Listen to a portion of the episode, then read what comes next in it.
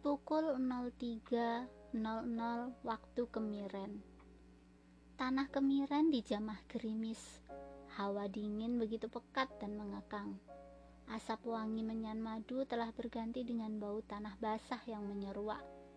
Di balik rimbun daun pohon asam, terdengar suara beluk menyayat bersama angin.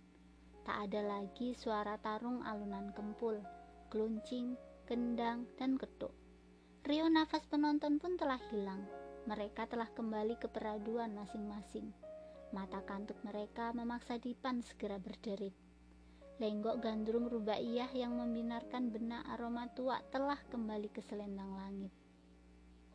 Manjar Koni duduk di atas kursi kuno. Ia masih hikmat dengan kelopet bulu jagung. Asap putih kecoklatan berputar-putar hingga bergelantungan Lelaki itu menatap senyum becaripah yang mengarah pada toples berisi uang. Perempuan itu menumpahkan di atas meja. Suara denting uang koin tumpah berserakan di antara uang kertas. Bek Jaripah menghitung. Kemudian ia menatap bayang-bayang perempuan muda yang berada di balik kamar. Wajahnya masih basah oleh air. Tangan perempuan di dalam kamar mengurai rambutnya kilau emas yang melingkar di lehernya. Tatapan Rubaiyah tak henti-hentinya menerobos Mega. Di dalam benaknya yang anggun, ia menemukan tingkah lelaki 16 tahun yang menatap hingga tak berkedip. Kadang senyumnya melebar, kadang aura marah tergurat dengan jelas. Sebenarnya, bukan hanya lelaki itu yang ingin mendekat.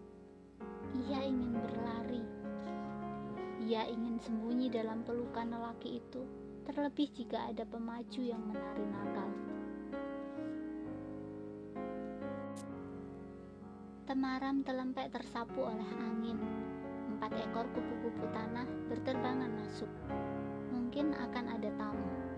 Sesekali terdengar suara pelan dari tubuh cingklong yang terbakar.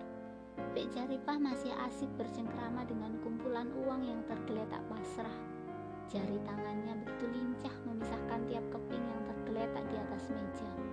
Bibir merah kehitaman begitu cermat menghitung.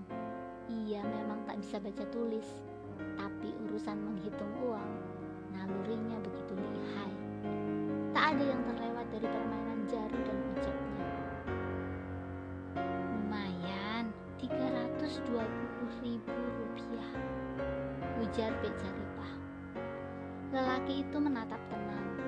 Asap kelopet masih menari-nari di sekitar wajah layunya. Ia tersenyum kepada perempuan itu. Bukan tentang jumlah uang yang tergeletak di depannya, tapi tentang amanah buyut cili. Simpanlah uang itu. Jika mau menggunakan, bilanglah pada Rubaiyah, kata Manjarkoni. Asap kembali terhempas dari bibir lelaki itu. Asap meliuk-liuk terbawa angin dingin yang keluar melalui rongga gedek yang agak menganga. Jangkrik berlompatan pada rumput yang terjamah gerimis. Dingin dan basah. Sesekali suara keriknya yang lantang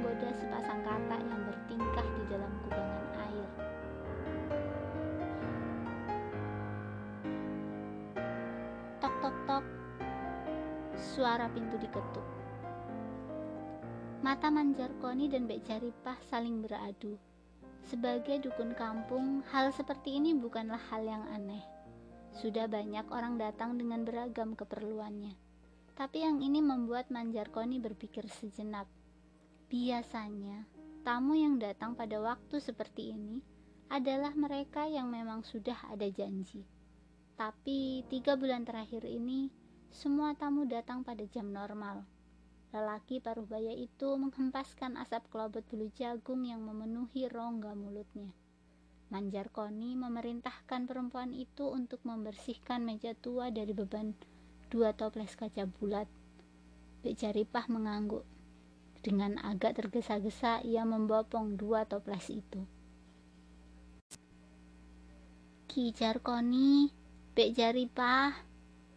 ujar suara lelaki dari luar. Suaranya terdengar berat. Manjar Koni menerawang ke sudut ruangan. Ia bangkit dan mendekati pintu dengan langkahnya yang lesu. Siapakah tamu itu? Ujar Manjarkoni dalam hati. Tangan Manjarkoni mengangkat palang kayu yang mengganjal pintu itu. Terdengar suara berderit. Pintu terbuka dengan tenang. Manjarkoni menatap lelaki berpakaian serba hitam yang agak basah. Wajahnya yang penuh bulu tampak menghiasi matanya yang melotot layu. Aroma tua merebak dari nafas bibirnya yang hitam. Lelaki kekar bergelang akar bahar tampak bersandar di sisi kusen pintu. Manjarkoni tersenyum. Mari, silahkan masuk. Ujar Manjarkoni. Lelaki itu mengangguk. Bibirnya tersenyum. Lelaki itu melangkah terhuyung-huyung dan hampir jatuh. Ia duduk terkulai di atas kursi kuno. Bek Jaripah hanya tersenyum. Binar mata hijaunya begitu kentara Perempuan paruh baya itu masih ingat dengan kalung emas yang sempat yang dipakai lelaki itu. Sendirian saja, ujar basa-basi Bek Jaripah. Lelaki itu mengangguk. Sesaat kemudian ia merogoh saku bajunya. Sebungkus rokok tergenggam di telapak tangannya. Bek Jaripah terbelalak. Tanpa sengaja ia melihat segebok uang kertas yang mengintip dari saku itu sangat tebal. Lelaki itu menyulut rokok kretek yang terselip di antara kumis dan janggutnya. Cers. Asap mengepul demikian pekatnya. Aromanya yang bercampur tua lebih wangi daripada asap kelobet bulu jagung manjar koni. Begini, maaf jika bertamu di saat semua sedang terlelap. Tapi daripada keduluan orang lain, lebih baik nekat datang ke sini. Lelaki itu terdiam. Ia melihat Manjarkoni yang masih mengangguk tenang dengan kelobot bulu jagung. Ia menggeser tatapannya pada perempuan tua yang persis di depannya. Ada senyum kenes yang mengambang dari perempuan itu.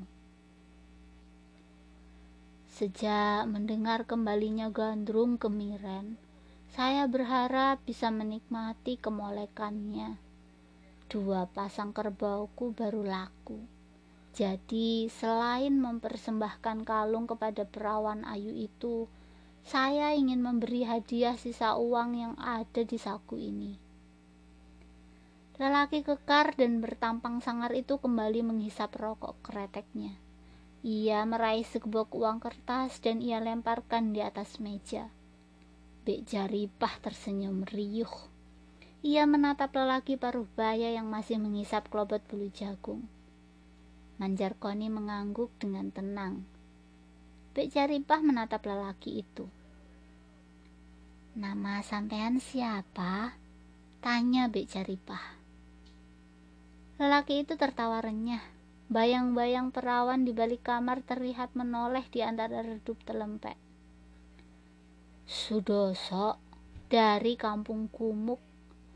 Orang sana mengenalku sebagai pemilik tujuh hektar kebun kelapa. Jawab lelaki itu.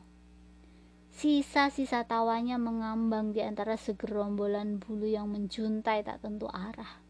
Kepalanya yang dipenuhi aroma tua terus mengangguk-angguk. Bek Jaripah tersenyum. Sampean mau dilayani bagaimana? Bukankah sampean sudah menikmati keluisan jebeng rubaiyah?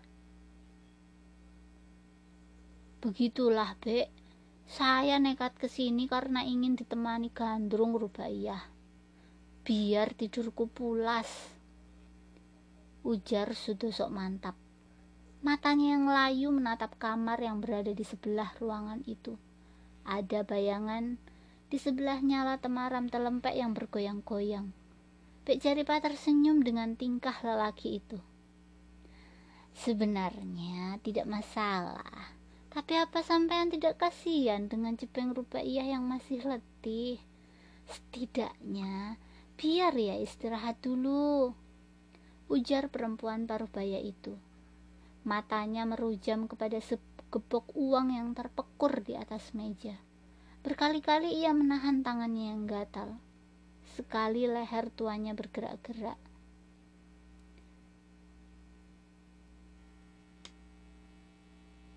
Pasti kami repot merayu Jepeng Rubaiyah. Saya pikir dengan uang hanya segitu pasti ia menolak melepas keperawanannya.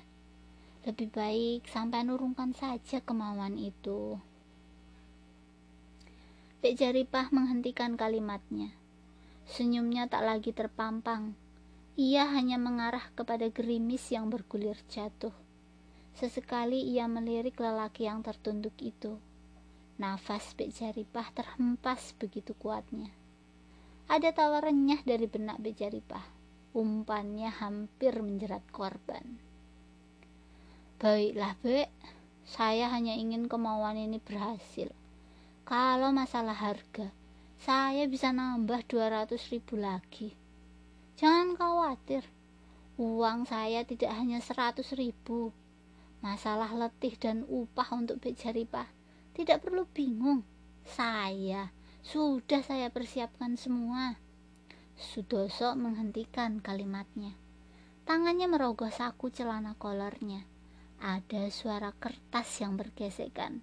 Sejenak kemudian, dua gebok uang kertas terhempas di atas meja. Bibirnya kembali tertawa. Tangannya menggaruk-garuk ketiak dan kepalanya. Bek Jaripah menatap takjub.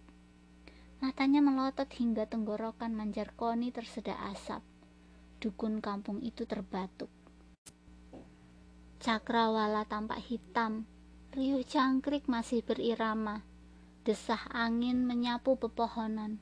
Pucuknya bergoyang-goyang. Manjar koni menatap.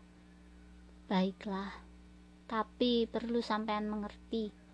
Jika kami tidak bisa merayu jebeng Rubaiyah, lebih baik sampean bawa semua uang itu. Paling tidak bisa digunakan pada kesempatan berbeda. Ujar Manjar Koni. Lelaki itu mengangguk setuju. Perbincangan mengalun tenang. Setelah dua batang rokok terhisap habis, Manjar Koni mengajak Bek Jaripah ke belakang. Kita harus bagaimana? Tanya Bek Jaripah setengah berbisik. Sesekali ia mengintip Sudoso dari balik gedek. Yang diintip terlihat menggoyang-goyangkan kepalanya yang berat. Matanya yang berkunang-kunang menatap bayang-bayang gandrung rubaiyah. Birahi di benaknya terus memaksa untuk segera melenguh dan terkapar. Begini, kamu siapkan gelas saja. Untuk apa gelas itu? Tanya Bejaripah. Sudahlah, biar saya yang ngurus Sudoso itu. Yang penting kamu harus berhati-hati dengan perasaan Rubaiyah. Jangan sampai tersinggung jawab Mansur Jarkoni setengah berbisik. Baiklah biar saya yang merayu Rubaiyah ujar Bejaripah Cicak kakinya melangkah ke dapur tangannya meraih gelas yang menggantung di samping gedek sedang Manjarkoni mengambil pisau yang tergeletak di sebelah dipan Lelaki paruh baya itu melangkah di sebelah almari kuno. Lelaki paruh baya menggali lantai tanah hingga menggenap bumbung. Manjarkoni meraih benda itu. Bau kecut merebak kuat. Manjarkoni tersenyum. Lelaki itu bangkit dan melangkah hingga berhadapan dengan Sudoso. Perbincangan kembali merajut. Yang penting, sampean harus tenang, ujar Manjarkoni. Sudoso tersenyum. Wajahnya mengangguk sembari menatap bumbung yang berdiri di atas meja. Manjar Koni tersenyum. Biar Bek Jaripah berbincang dengan Jebek Rubaiyah dulu. Biar perawan itu tidak takut. Yang penting kemauan sampean terlaksana. Ujarnya lagi. Sudoso kembali tersenyum Matanya berbinar menatap bayang-bayang perbincangan dua perempuan di dalam kamar. Nafsunya yang terhempas bersama alur nafasnya. Ia ingin segera mendekat dan meluluh lantahkan tubuh elok itu.